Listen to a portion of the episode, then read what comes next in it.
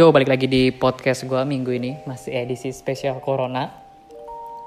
Eh, hari ini gue mau ngomongin sesuatu yang sangat, sangat, sangat, sangat unpopular opinion sekali. Mungkin gue bakal berbeda jauh dari apa yang banyak orang katakan atau nasihatkan. Hari ini gue mau ngomongin bahwa gue mau nyuruh kalian semua untuk menjadi orang malas. Ya. Berani malas itu baik, sesuai judulnya. Eh, kebanyakan orang udah punya watak malas, tapi beberapa juga nggak mau malas, takut hidup susah. Dan ya, hari ini gue mau ngajarin kalian supaya jadi orang malas. Kenapa sih? Ya. Pertama gue mau ngomongin gini dulu. Apa sih malas yang gue maksud dan kenapa kita harus malas?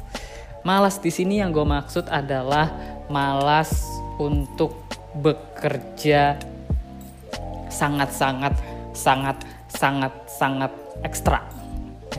Malas di sini artinya lu mem, me- mendedikasikan diri lu untuk hidup seefisien mungkin. Lu lu sangat males untuk bekerja ekstra. Pokoknya semua harus efisien. Betul-betul selesai, betul-betul selesai, betul-betul selesai. Lu malas bekerja ekstra. Gimana caranya? Nah, itu, malas yang gue maksud di sini adalah kayak gitu.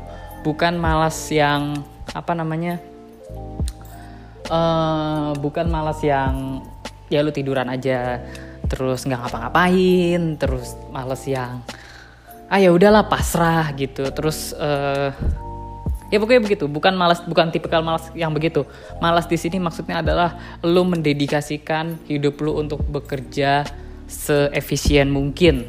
Jadi lu nggak akan apa ya lu nggak akan bekerja sangat ekstra sangat keras ya.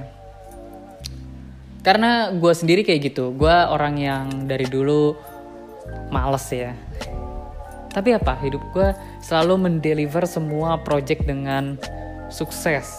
Tapi gue males orangnya. Nah gimana tuh?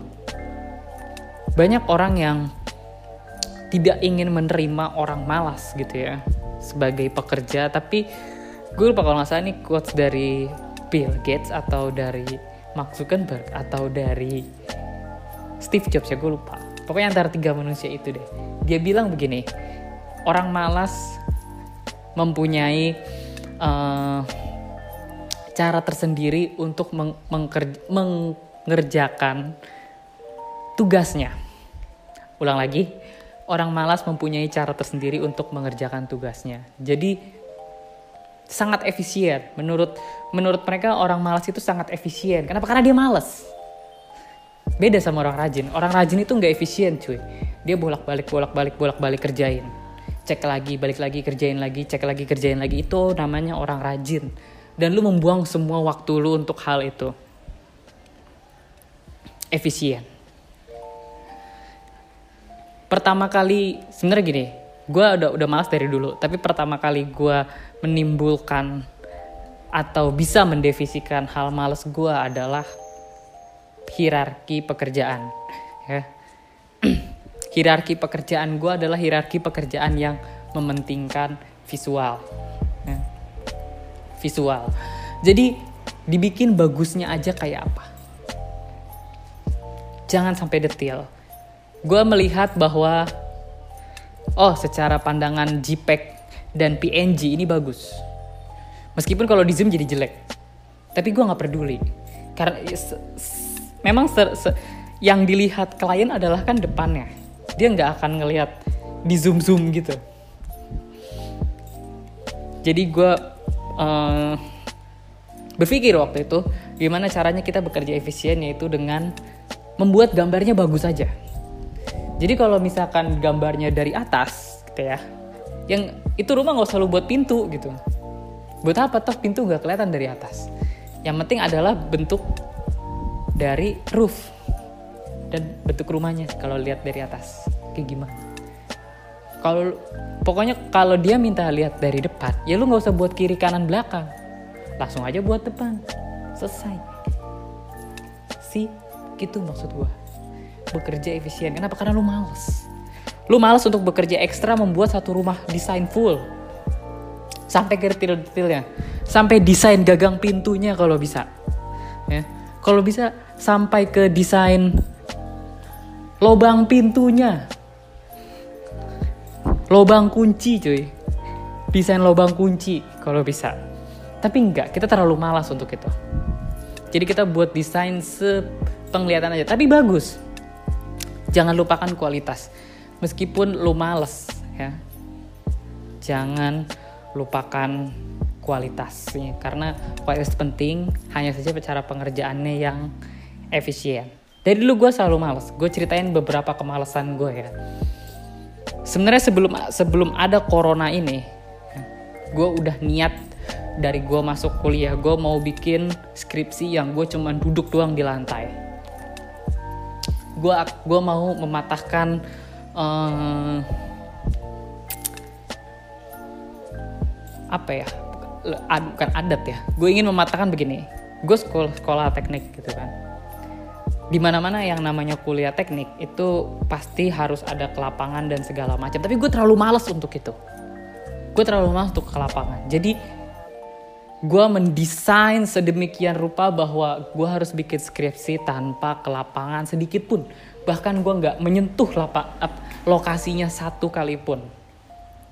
Kecuali kar kecuali kalau gue lagi lewat aja. Tapi nggak pernah gue niatin. Waktu itu gue berpikir seperti itu. Itu udah gue rancang. Jadi corona nggak corona gue tetap menjadi orang yang tetap diem di rumah gak ke mana-mana gak akan ke mana-mana jadi waktu itu gue rancang apa waktu itu gue rancang lokasinya adalah lokasi yang gue lewat setiap hari.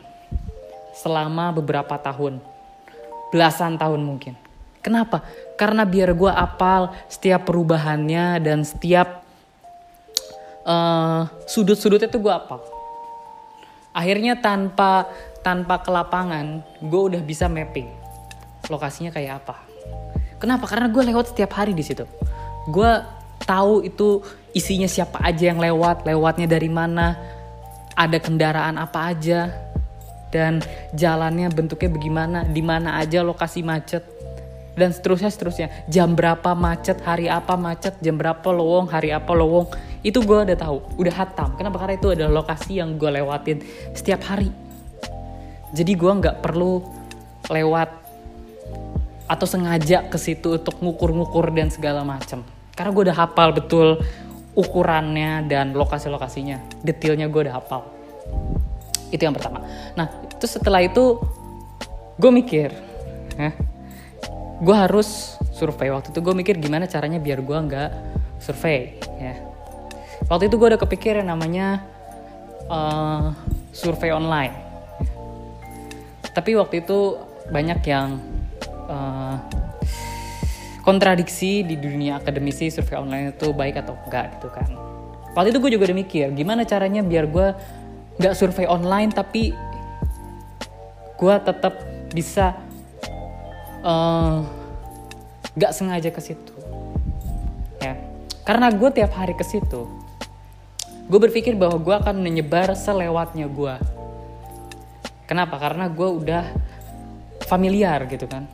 Jadi selewatnya aja gue nggak pernah memaksakan untuk uh, datang ke situ. Ataupun kalau gue lagi nggak lewat situ banyak teman-teman gue yang melewati area tersebut. Jadi atau ber apa ya berkegiatan di area tersebut. Jadi mudah untuk gue menyebar kuesioner. Waktu itu gue pikir kayak gitu dan akhirnya jadilah.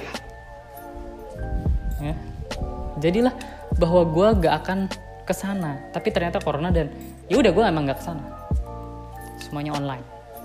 Tapi itu semua sudah gue desain dari awal agar gue menjadi orang yang bisa TA duduk di rumah ya. hasilnya apa? Gue bukan sombong tapi gue dapet A. Dengan gue duduk di rumah gue nggak membuang apa pun. Gue nggak buang duit bensin. Gue nggak buang duit capek. Gue nggak buang duit buat beli makan jajan di sekitar situ karena gue lelah. Dan gue juga nggak beli minum. Sih kayak gitu. Simple. Gunakanlah yang gratis gratis Kenapa? Karena gue males. Gue males bekerja lebih. Gue males datang ke situ. Gue males nanya-nanyain orang secara detail. Kenapa? Karena gue males. Hasilnya A. Hasilnya apa? A. Kan gue udah bilang, kualitas harus tetap terjaga meskipun lu males.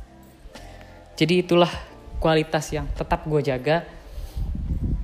Papernya sangat-sangat baik, jadi bisa mendapatkan nilai yang tinggi. Tapi intinya gue males gitu kan. Dari dulu gue males. Dari dulu gue selalu meman... Nih, hal yang kedua gue males lagi selama kuliah adalah gue males yang namanya bikin surat. Ya. Jadi kalau kita butuh suatu data, kita bisa bikin surat ke fakultas pastinya ya jurusan dan kita kasih surat tersebut ke instansi yang kita mau bikin eh mau ambil datanya kita mau minta datanya waktu itu tapi enggak gue terlalu males gue terlalu males untuk bikin surat gue terlalu males untuk bikin untuk datang ke kantornya dia dan memberikan surat itu gue terlalu males cuy jadi apa yang gue lakukan yang gue lakukan adalah gue mencari ribuan data di internet. Ingat, gue sambil duduk. Pantat gue gak ke mana-mana. Gue mencari ribuan data di internet. Dan gue berpikir, apa yang gue bisa gunakan dengan ribuan data ini. Karena internet itu menurut gue sangat luas cuy. Memang ada beberapa data yang gak dipublish di internet atau memang belum dipublish. Tapi banyak ribuan data yang dipublish di internet. Kenapa lo hanya terpaku oleh satu data? Kenapa nggak pakai data lain? Dan akhirnya apa? Lancar-lancar saja kuliah gue. Padahal gue cuma duduk di rumah. Gak ke mana-mana. Kenapa? Karena gue terlalu males. Gue terlalu males untuk mencari data mondar mandir tuh gue terlalu males. Jadi gue hanya menggunakan data yang ada, gue puter otak gue. Jadi di sini yang berjalan bukan badan gue tapi otak gue hanya kepala gue yang berjalan. Nah, buat orang males, ya, lu boleh males gerak, mager itu boleh, sangat boleh. Tapi yang lu nggak boleh mager adalah males berpikir. Kalau gue dapet tugas berat, ya, yang bisa menggunakan komputer. Menurut gue komputer tuh sangat canggih dan sangat pintar.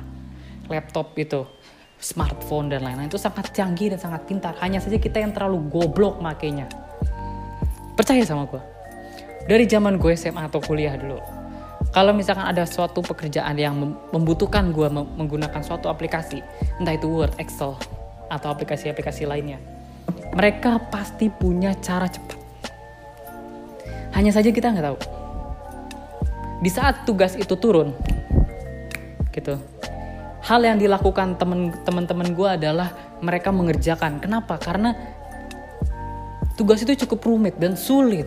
Kalau tidak dikerjakan sekarang nggak bisa, nggak beres. Tapi apa? Gue terlalu males untuk ngerjain tugas tuh. Mager, seriusan. Tugasnya terlalu banyak, tugas di Excel kok datanya ribuan dan lain-lain. Gue terlalu males. Akhirnya apa? Akhirnya yang pertama gue buka adalah YouTube. Gue mencari tutorial bagaimana cara ini bisa selesai dengan cepat.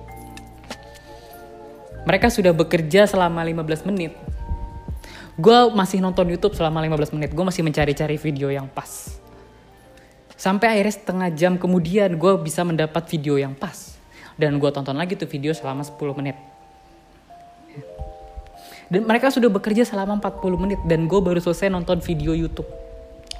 Dan untuk 20 menit kemudian mereka masih bekerja gue udah selesai karena gue menggunakan tutorial cara mudah. Tools. Tools di Excel aja tuh ribuan. Kita yang nggak tahu caranya. Yang kita tahu cara pakai Excel ya tambah kurang bagi kali. Udah. Sum quick sum ngubah ke persen. Ngubah ke uang. Gitu-gitu doang yang kita tahu padahal toolsnya tuh banyak cuy. Apa pun. Word juga. Tuh kadang gue ngeliat orang kalau ngetik tuh satu-satu digeser satu-satu gitu loh. Digeser satu digeser bikin ini manual bikin itu manual. Kalau gue enggak yang gue lakukan adalah seperti cara yang tadi. Ngapain gue ngegeser huruf satu-satu? Orang bisa otomatis kok. Bikin daftar pustaka bisa langsung jebret. Bikin uh, daftar isi bisa langsung jebret keluar. Semuanya bisa otomatis. Disetting nggak perlu ah ketik satu ketik satu geser geser ikutin marginnya geser ikutin marginnya. Buang-buang waktu tau nggak? Itu itu yang bikin buang-buang waktu. Jadi malas lah. Tapi jangan badan jangan jangan otak lu yang malas. Cukup badan lu yang malas. Otak lu jangan malas. Pinter. Pinter mencari cara.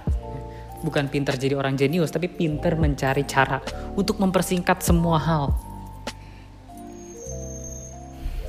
Kerja gue selalu singkat. Gak pernah lama. Nah sekarang balik yang pertama di saat gue kerja yaitu permintaan klien dalam membangun atau mendesain suatu wilayah atau kawasan atau rumah itu lain-lain. Ada yang mau dia murah. Saya mau murah. Ya udah. 3D-nya nggak usah banyak-banyak deh. Saya cuma mau tampak depan sama samping kiri aja. Ya udah lu nggak usah bikin tampak kanan dan tampak belakang. Ngapain? Buang-buang waktu. Kenapa nggak lu buat tampak depan, tampak kanan, lu foto itu dari depan kanan dan serong. Selesai. Tuh orang emang lihat.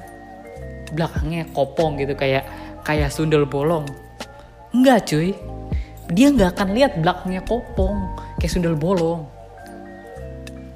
Jadi percuma lo bikin sampai tampak depan, tampak belakang, tampak kiri, tampak kanan, tampak atas, tampak bawah, potongan. Dia nggak minta pilih um, kerjakan yang dia minta aja. Kecuali kalau dari awal memang ada agreement untuk lu mengerjakan kiri depan belakang kiri kanan baru kerjakan. Itu pun tadi gue bilang. Apa yang kita kerjakan harus tampak bagus. Ingat ya, tampak bagus tanda kutip. Maksudnya apa? Tadi gue udah jelasin di awal. Kalau misalkan dia pengen nge-shootnya agak jauh. Ya, yang namanya gagang pintu itu kan gak kelihatan. Lu bikin rumah nge-shoot dari jauh gagang pintu itu nggak kelihatan cuy. Ya udah nggak usah lo bikin detail-detail buang-buang waktu. Lu bikin kawasan dari jauh tus shoot jauh gitu ya. Rumah juga nggak kelihatan kayak apa bentuknya. Yang kata merah-merah doang atap. Ya udah lu bikin aja dasarnya. Tak kasih atap. Kopas kopas kopas kopas kopas kopas kopas selesai toh mereka juga senang karena yang kita berikan bagus secara dilihat. Terkadang orang terlalu rajin. Please stop jadi orang rajin dan mulailah jadi orang malas. Kenapa? Karena lebih efisien hidup kalian tuh. Ya. Seperti yang gue bahas di Get, Get Your Shit Done From Home. Gue merasa pandemi ini membuat hidup gue lebih efisien. Tadi hidup gue sudah sangat efisien. Sangat sangat sangat efisien. Sudah sangat efisien hidup gue tuh. Kurang efisien apalagi yang tadi gue cerita ceritain udah sangat efisien tapi selama pandemi ini gue lebih efisien lagi. Gue baru tahu kalau yang namanya bisnis bisa ada bisa ada workplace gue baru tahu kalau kita kerja bisa di rumah dengan aplikasi seperti Fiverr seperti freelancer.com gue bisa membangun perusahaan hanya dengan duduk di rumah. Duduk di rumah dan sambil nonton Smackdown. Coba lu bayangin pekerjaan yang bisa lu sambil nonton Smackdown. Atau kalau bosan gue bisa main game. Nonton YouTube gak ada yang marahin. Gajinya dolar. Sih itu maksud gue orang terkadang terlalu rajin membuat kantor buat sewa ruko. Sewa ruko itu kan mahal. Belum beli furniturnya. Ya kan? Beli kursi meja rapat meja gue lebih merasa lebih efisien. Sama. Orang pun dipaksa sangat efisien. Sekarang kita balik ke episode get you done from home. Sebentar. Dulu pernah gue singgung bahwa dosen gue ada yang nggak mau tanda tangan cuy itu kita sangat-sangat tidak efektif dan tidak efisien kita harus ke kampus ya kita harus ke print dulu belum sama dia coret coret coret coret coret coret coret coret coret baru revisi. Kita buang uang, uang ngeprint, uang perjalanan. Kita buang waktu, nungguin dia, dan lain-lain. Kenapa enggak? Sekarang kayak sekarang aja. Kirim email atau via WA. Nanti PDF-nya sama dia dicoret-coret coret-coret. Sambil nunggu dia coret-coret coret-coret, kita bisa melakukan banyak hal. Lu mau masak boleh. Mau nyapu, mau ngepel, mau nyuci, silahkan. Atau lu mau berleha-leha dengerin podcast gue, silahkan juga. Nanti begitu ada WA masuk, tening. Ini sudah saya revisi ya. Sudah kasih, saya kasih bahan revisian. Udah coret-coret banyak gitu. Ya udah tinggal lu kerjain lagi. Setidaknya apa? Lu tidak tidak keluar dari kasur. Kasur lu yang hanya berukuran kasur tuh ukuran berapa sih? Dua kali tiga, dua kali dua. Itu deh segitu. Lu nggak keluar ke mana-mana. Sangat efisien. Orang malas tuh efisien cuy. Teknologi semakin canggih. Kenapa enggak kita semakin canggih gitu kan? Kenapa nggak daya berpikir kita juga semakin canggih, semakin efisien? Memang sih membuat semakin malas, tapi nggak masalah menurut gue. Yang pasti lo udah gerak-gerak sedikit lah biar nggak gendut-gendut amat dan pelan gitu. Gue nggak masalah. Yang penting kepala lo ini, menurut gue otak itu kan nggak terba ter, terbatas oleh ini ya apa namanya uh, fisik dan segala macam seperti tubuh gitu kan tubuh itu kan ada yang ngerasain namanya pegel gitu. Jalan sedikit pegel olahraga pegel capek lelah. Tapi kalau otak menurut gua nggak ada. Otak itu bisa lo lakukan sambil tidur sambil duduk sambil tengkurap sambil jungkir balik sambil salto, sambil parkur, sambil koprol, otak lu tuh bisa dipakai, di berjalan terus. Dan otak cuman setruman neuron-neuron aja. Dia nggak menggerakkan sesuatu secara real. Cuman selesai. Jadilah inovasi baru kecuali kalau lu butuh bantuan untuk berpikir seperti catatan atau apa pun. Tapi kalau untuk orang yang terlatih tanpa catatan itu bisa kok. Gue kemarin habis nonton uh, series ya. Queen's Gambit. Mungkin pas ini tayang itu series sudah tahun lalu. Cuman ini masih di penghujung 2020 per podcast ini. Jadi ya gue masih nonton Queen's Gambit ceritanya si Elizabeth Harmon ini dia bisa main catur tanpa dicatat dan dia hafal sampai 20 orang. Sampai 20 orang cuy. 20 ya kalau nggak salah yang dia main di SMA itu yang masih kecil. Dia masih kecil waktu itu. Terus dibawa main ke SMA dan jadi. Gila, hebat banget. Sumpah demi apa pun.